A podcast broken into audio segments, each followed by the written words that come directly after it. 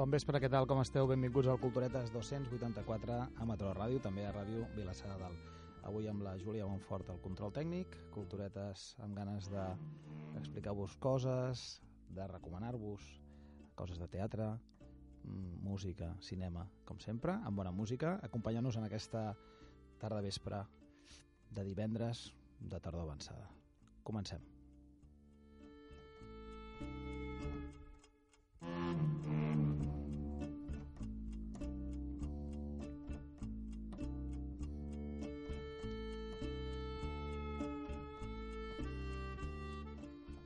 Culturetes. Som el que escoltem.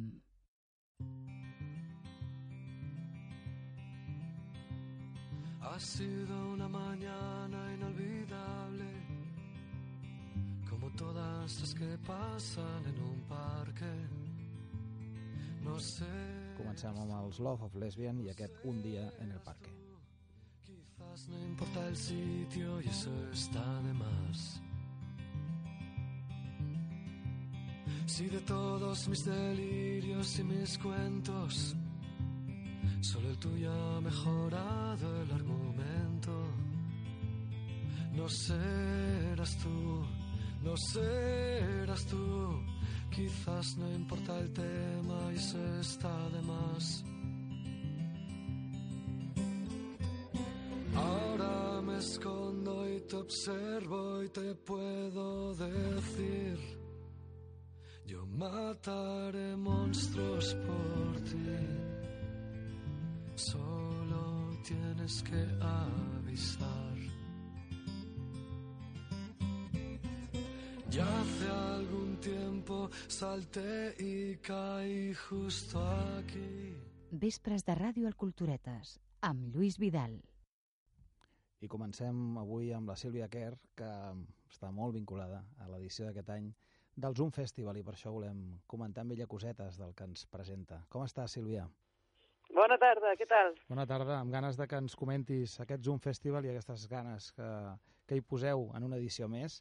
En el cas teu, doncs, perquè, perquè ets una de les protagonistes, uh, d'aquestes que potser no es veuen tant, però de les que la gent, de les que la gent agrada sentir. Uh, Ja. què, ens, què ens portes aquest any al Zoom Festival? Aquest any vam inaugurar, que és el primer cop que em passa, que això em fa com una il·lusió especial, i hem dut la, la dona del segle, basat en la novel·la de Margarita Melgat al mateix títol, i és una història, així en resum, d'una mica l'eclusió del femi- feminisme a la Barcelona dels principi, del principi del segle XX, val? on gitanes, sindicalistes, empresàries i monges, d'alguna manera, eh, agafen el, el testimoni d'altres lluitadores anteriors eh, dones i a través de, potser de voler aconseguir coses per millorar la seva vida, engresquen altres, altres mm, grups i personatges, no? Mhm. Més o menys això seria el resum. Una eclusió del feminisme a principis del segle passat. Um, desgraciadament estem en un moment d'auge masclista um, social, podríem dir. Tu que Sí, sempre has fet, sí, sí, has sí. fet sèries de televisió i, i, i has uh, participat en projectes que han volgut uh, traslladar problemes socials al, a l'escenari o a l'escena. Suposo que t'has vist una mica abocada a, a fer aquest clam, no?, o a sumar-te en aquest clam. Clar, és que t'hi has de sumar i amb ganes, eh? perquè veus que si no ens hi sumem i que a vegades som més, eh, avancem molt a poc a poc, no?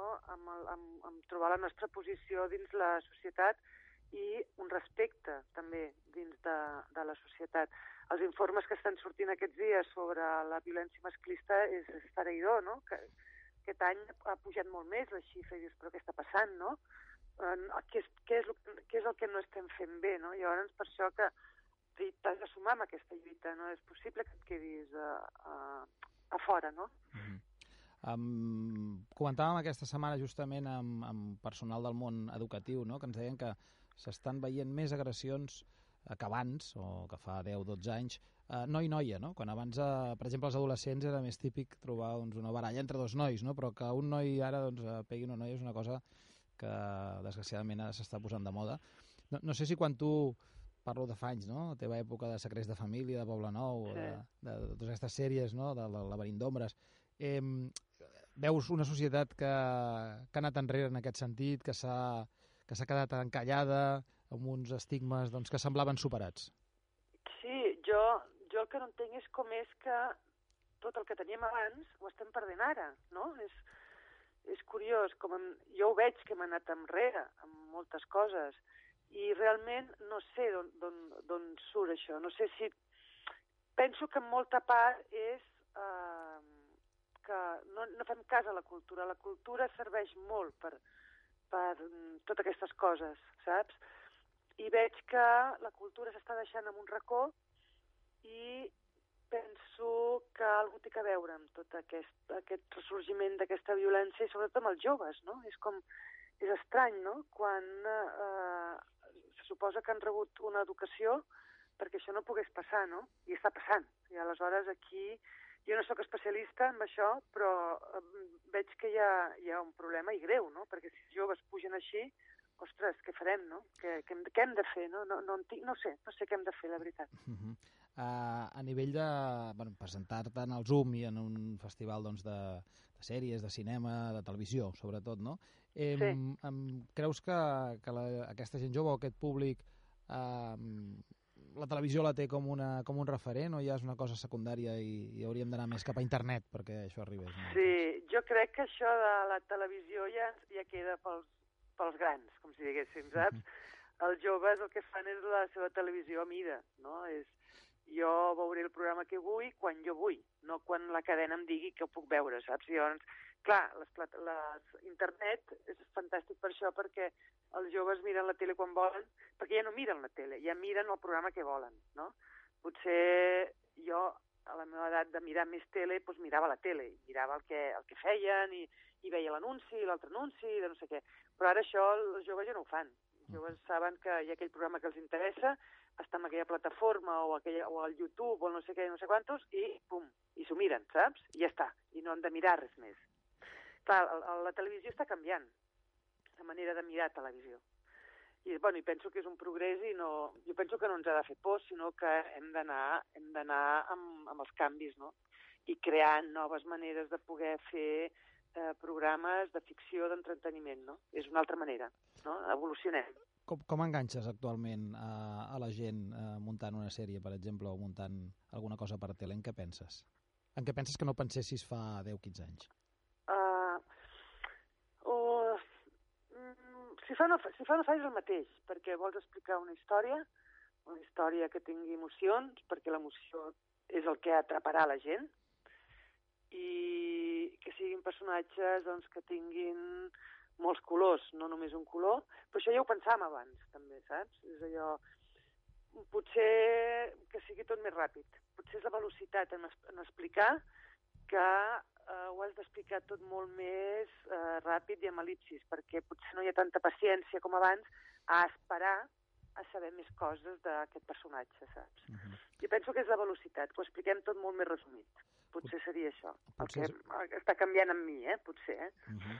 Amb festivals com ara el Zoom o com els Serializados o alguns d'aquests sí. doncs, que, que, que estan ara doncs, eh, bueno, que ja porten moltes edicions i que porteu molts anys treballant eh, marquen aquest món de les sèries, no? que és un món eh, relativament novedós.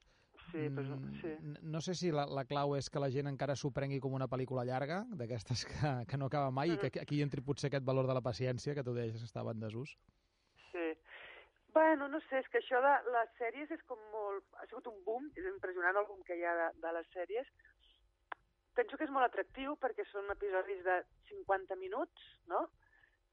i són com pel·lícules petites, no? perquè són, són impressionants. No? Aleshores, és com un... pots consumir mm, els que tu vulguis, i això és l'atractiu de les sèries. Tu pots veure dos, tres episodis, o pots fer una maratona i veure tota la temporada una tarda, si vols, no? I això penso que és el que té d'atractiu, no? de poder-ho consumir d'aquesta manera amb, amb, amb, com tu vols consumir, no? Perquè tu vas al cinema, et tanquen els llums i et diuen ara consumeixes, no?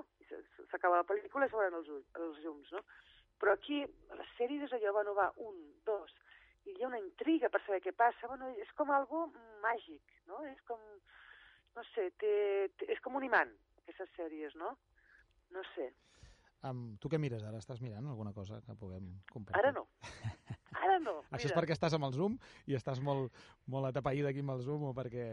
O No, perquè estic, amb- estic preparant dos, mm, dos projectes, Aquesta era la següent i- pregunta, em va molt bé que ho diguis tu. uh, però no et diré què, perquè no es pot dir fins Ja ho que sabem, no estigui ho sabem, al sac i ben lligat. Eh? No puc dir res, però estic preparant dos coses molt, molt, que a mi m'agraden molt i no, no vull veure coses, no? perquè vulguis que no et pots deixar influenciar i tal, i penso, no, no, tu tira per aquí, llegeix, i, i ara no miro, ara no miro. Sí que em veig, per exemple, s'acosten als Gaudí i sí que he vist moltes pel·lis, d'aquestes que poden ser, que són candidates, i molts curts, però sèries ara no, no, no en vull veure cap, per si de cas.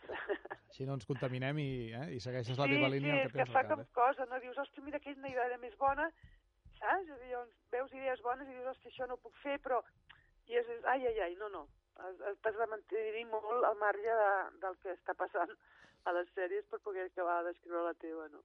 De fet, em, quan comentàvem amb la, amb la Júlia Tarran, la Talarn, no? La Júlia Tarran, que és la productora Sí. de, de l'entrevista, de la Costa, em deia um, segur que quan parlis amb la Sílvia Kerr és una noia que um, s'abstrau molt del soroll que hi ha al voltant per anar, per anar diguem-ne, allà on, on, on creu que ha d'anar.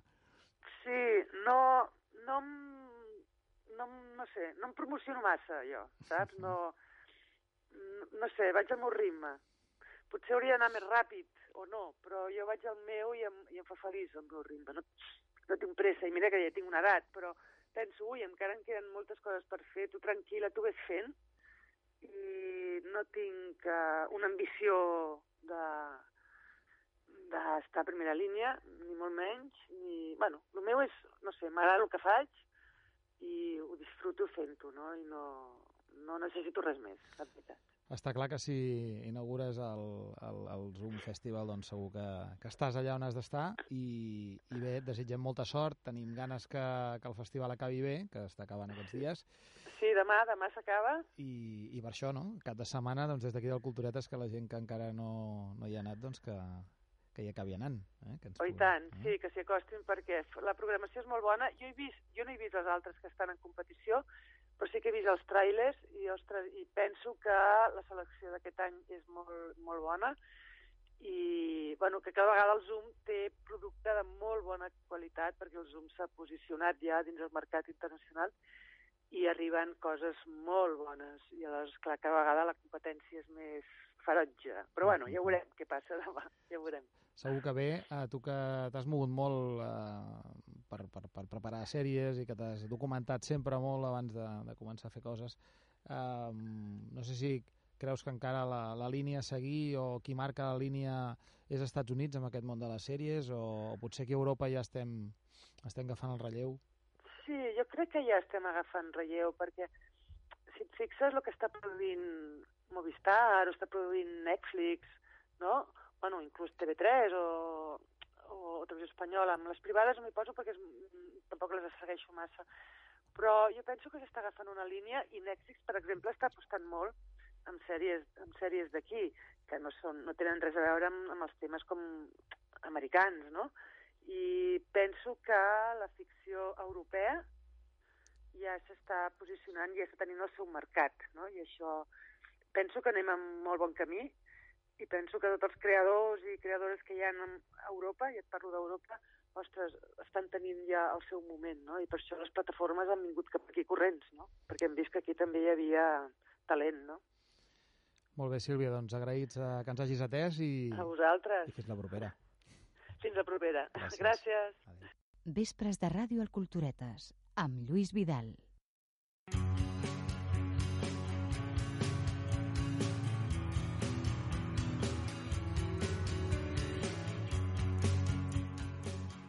Seguim amb aquest quiromàntic, un tema molt especial del senyor Chinarro.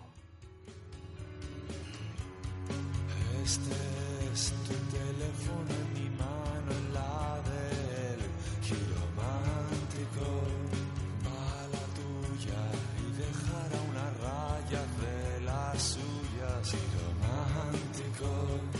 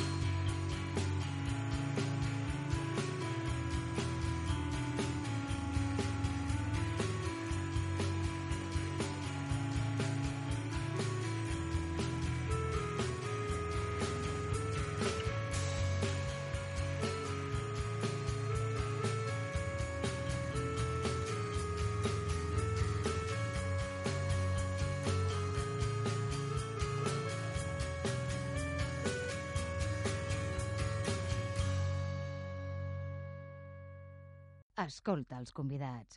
Viu la ràdio.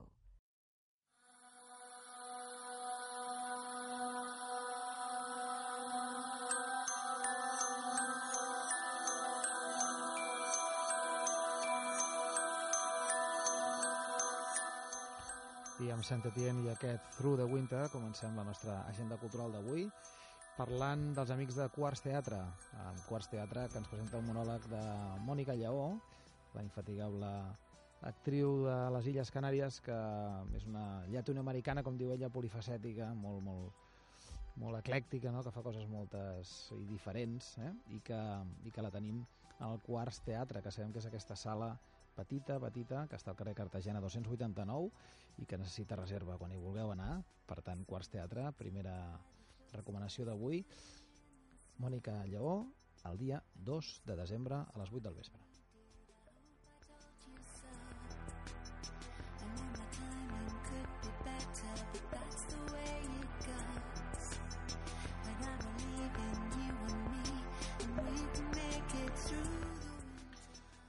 L'amic, amic eh, i company de moltes, de moltes carreres, sobretot, aquí amic del Culturetes de fa temps, quan començava en Guillem Albà, que ens presenta Calma, un solo de Guillem Albà que demana que aconseguim parar i mirar el que estem fent, que ens n'adonem, que ens mirem al mirall i sapiguem veure amb un pas un temps que no sabem fins quan passarà i que ens deixa una miqueta doncs, oberts no? en aquest uh, univers típic del Guillem Albà, que com sempre, després de trau, després de pluja, doncs ens, ens fa arribar la seva novetat.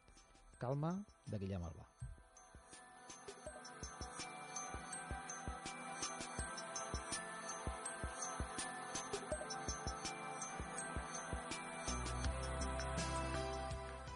Dins del Festival de Jazz de Barcelona, que arriba a la seva cinquantena edició i en diversos espais, tenim moltes, moltes recomanacions.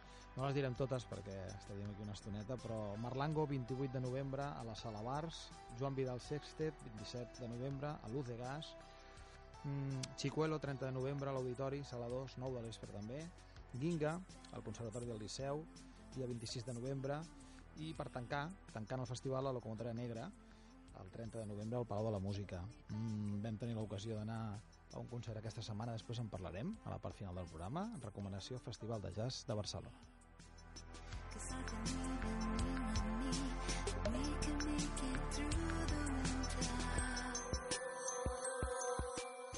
Més jazz, en aquest cas Ben Sidran i el seu fill Leo Sidran al Jamboree de Barcelona. Aquest cap de setmana venen d'estar una setmana a Madrid i pràcticament cada any, mm, Leo no tant, però Ben Sidran, el pare, veteraníssim, visita, visita Barcelona i això doncs, ens congratula molt perquè de fet un home com ell que ha participat de, tants, eh, de tantes fusions eh, que deriven del jazz cap al rhythm and blues, cap al soul doncs que ens vingui a veure cada any és molt, molt interessant. Eh, potser fa 20, eh, que ens ve a veure. Doncs Ben Sidran, al Jamboree, aquest cap de setmana, amb dues sessions dobles demà dissabte, al Jamboree.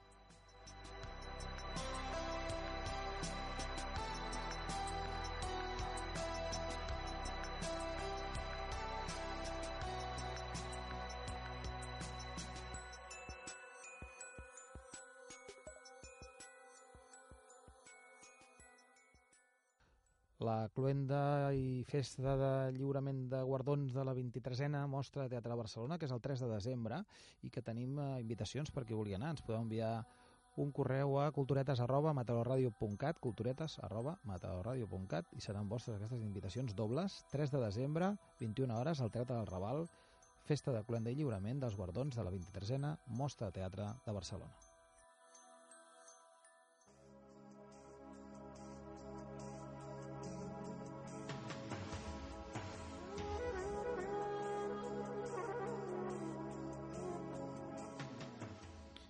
Vivere una fàbula és el tema de Vasco Rossi, un autèntic fenomen a Itàlia i que ja fa temps que fem servir aquí el Culturetes com a um, acompanyant de les nostres um, xerrades.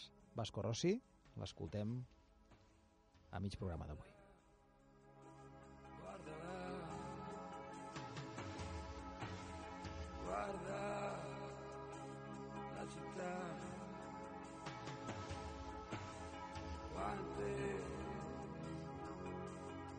Okay.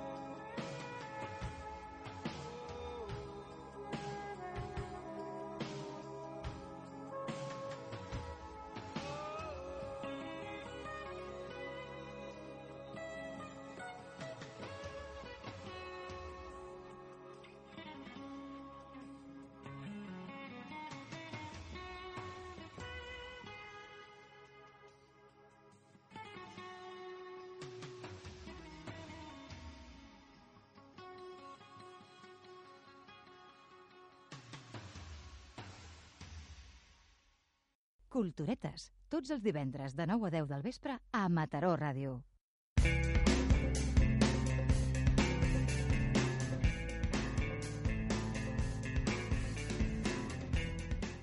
I amb James, aquest Saying Something, encetem aquesta segona part de recomanacions amb Delicatessen. Com sabem, Delicatessen és una exposició selecta d'art de petit format per triar, per emportar, que ja fa 17 edicions, que es fa a Barcelona, es fa a Galeria Esther Montoriol, al carrer Diputació, i que ens porta doncs, amb aquestes obres a 100 euros, no? que és un regal, bueno, diguem-ne, nadalenc, que acostuma doncs, a, a demanar complicitat entre l'artista qui compra i sobretot qui rep el regal. No?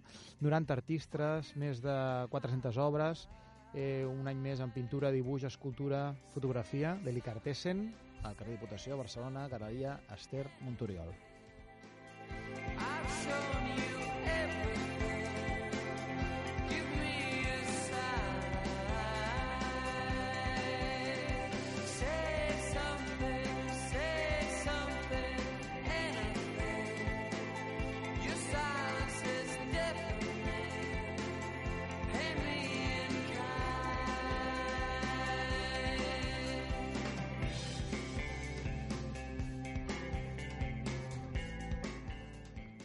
Una recomanació més, la Sala Beckett, com sempre, amb al límit del teatre i de la creació, amb moltes, moltes propostes, en tenim tantes que volem que entreu a la seva web, eh? Sala Beckett, de Barcelona. Qui no l'hagi visitat, ja porta més d'un any al Poble Nou, se'n va d'aquell escenari petit, coquetó, però que havia quedat doncs, insuficient per l'oferta cultural presentada per la Sala Beckett allà a Gràcia, i està al Poble Nou. Qui vulgui, Sala Beckett.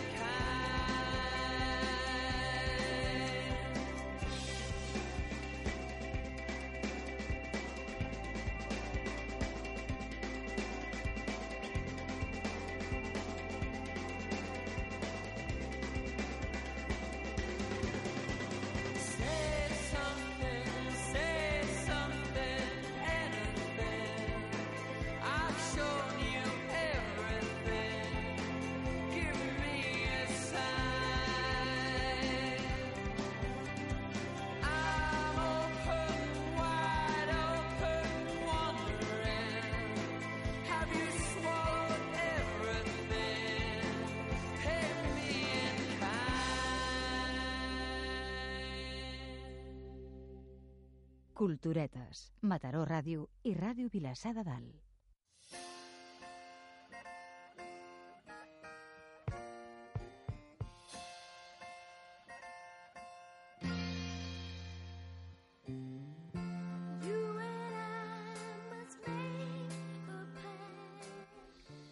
Acompanyant aquest temps de tardor que comentàvem al principi del programa, aquest I'll Be There del Michael Jackson.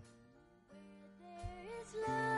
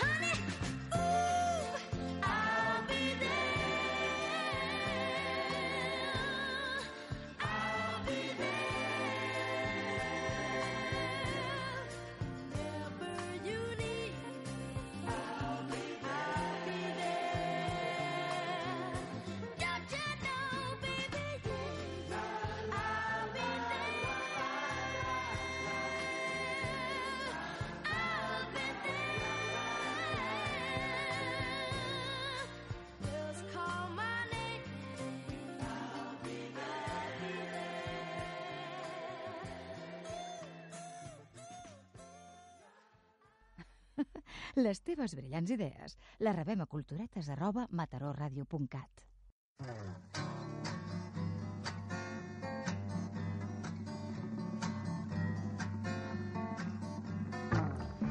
Una brillant idea que vam tenir fa temps és anar a veure la pel·lícula de Sixto Rodríguez i la seva història. Aquest home, fill d'immigrants mexicans, americà de Detroit, que va fer doncs, amb tota una carrera musical que havia quedat en l'oblit, però que aquelles coses de la vida doncs, el, el van fer ser famós a Sud-àfrica mentre era un home doncs, pràcticament ignorat en el seu país. Una història fantàstica, la pel·lícula d'en Sixto Rodríguez, que ja fa temps doncs, que, que es va fer i que sempre intentem recordar um, aquí al Culturetes i que bé, doncs avui amb aquest cant Getaway volem fer-vos partíceps a tots del, del seu moment.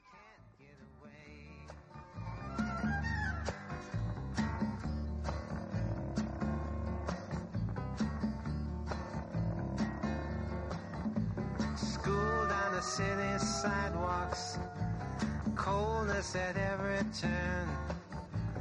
Knew I had to find the exits.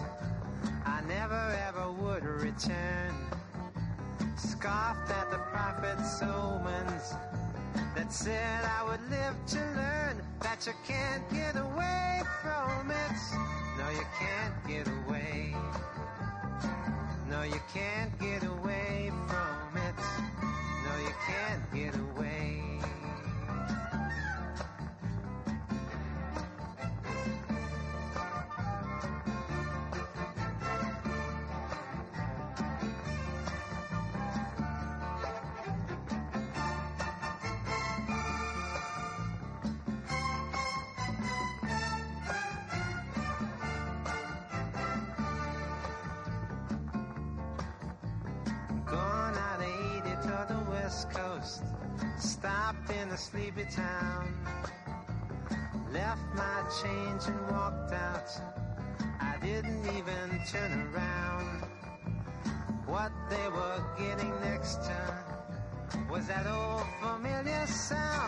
that you can't get away from.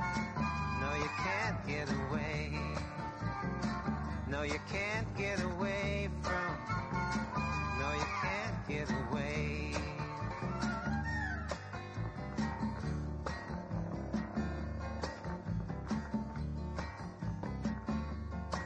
In a hotel room in Amsterdam on a wild and windy August night, as a cloud passed over a cold moon, my heart was seized with terror and fright, seeping up through the floorboards coming in through the walls, coming in through the doorway, ringing up and down the halls. That you can't get away from it. No, you can't get away. No, you can't get away from it. No, you can't get away. No, you can't get away.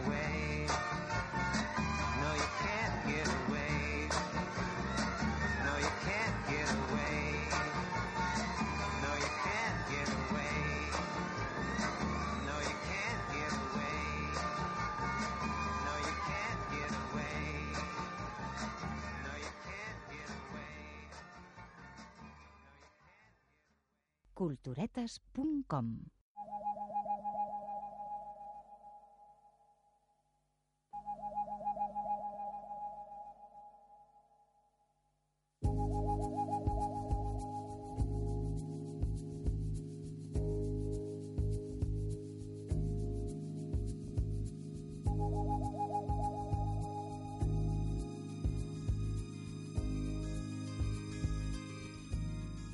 Molt bé, i anem a la part final del Culturetes d'avui, um, rebent, com sempre, l'Eli Guillén. Com estàs, Eli? Molt bé, tu? Bé, home, acabant aquí el Culturetes d'avui, avui ens vens a parlar de com promocionar concerts. Sí, avui us vinc, us vinc a parlar de- d'accions per, per promocionar concerts i bueno, ho he dividit en estratègies més offline i estratègies online. Llavors, quan ens truquen d'una sala de concerts i, i ens diuen que, que farem un concert, el primer que hauríem de fer és preguntar-li a la sala si ells faran algun tipus d'acció o de promoció del nostre concert.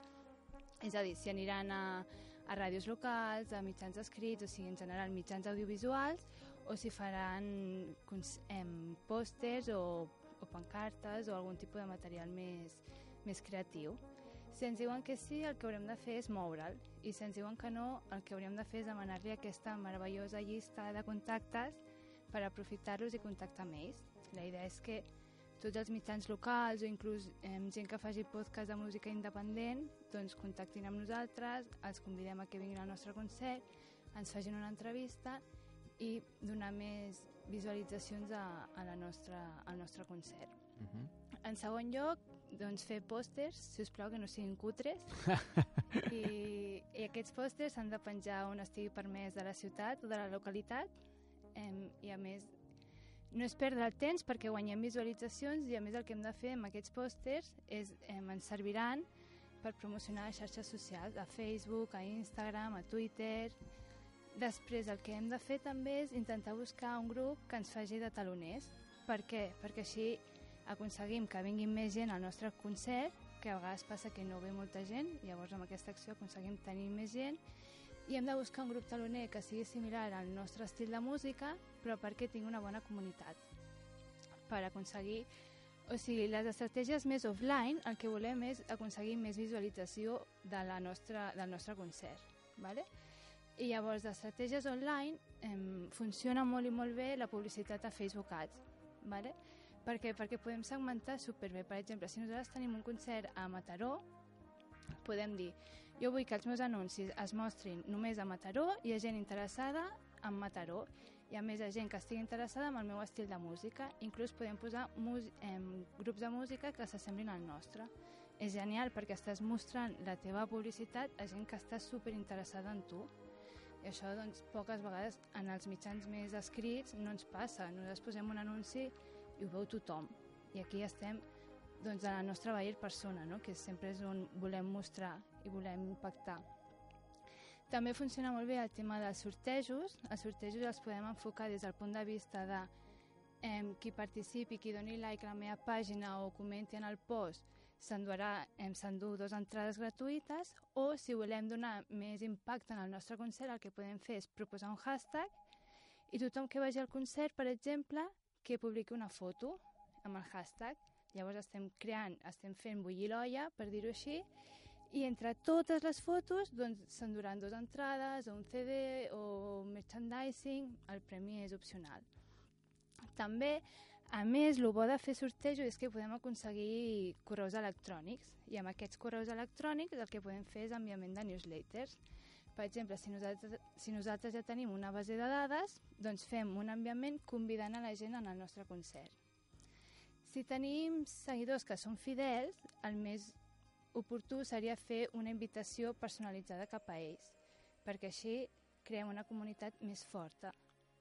Després, encara que diuen que Facebook està mort, fer un esdeveniment a Facebook, perquè igualment la gent continua connectant-se a aquesta xarxa social per veure les, les activitats que es fan. I bàsicament, bueno, seria després, doncs, com ja hem dit en diversos culturetes, doncs, tenir unes xarxes socials actualitzades amb contingut bo. Podríem fer també una, un vídeo en directe setmanalment amb novetats de, del concert, per exemple, doncs, quina música posarem, o quin serà el nostre vestuari, o amb quina cançó començarem el concert, bueno, coses així, on demostrem que ho estem donant tot per organitzar això. Molt bé, estem pensant en sales com el Club o la Sala Sarau, més properes aquí a la, a la nostra zona, que fan algunes promos amb, amb inputs d'aquests que has comentat tu, o també amb l'Utegas o Bikini, no? que ara, mm, per exemple, al Festival de Jazz de Barcelona aquesta setmana vam tenir l'ocasió d'anar a veure Mar Vilanova, que és una cantant de jazz, i que, bueno, diguem-ne que l'escenari va fer servir alguns recursos d'aquests que has dit tu, no? O sigui, no dir-ho ella en directe, però bueno, deixar-ho una miqueta entreveure perquè la gent connecti amb ella, pugui donar... O sigui, que el mateix públic li faci una miqueta, retroalimenti el seu concert, no? Clar, és que és molt bo perquè el que estem intentant aconseguir ara és que la gent de fora ens creï el contingut per nosaltres publicar-ho a les xarxes socials. Per exemple, l'any passat, en la promoció d'un festival de música, vam aconseguir que moltíssima gent em, es fes fotos dintre del concert dels concerts i després nosaltres ho publicàvem tot a les stories i amb això que crees que molta gent et segueixi més, et faci més likes, et comenti i crees doncs, comunitat. Molt bé, Eli. Doncs moltes gràcies per la recomanació d'avui.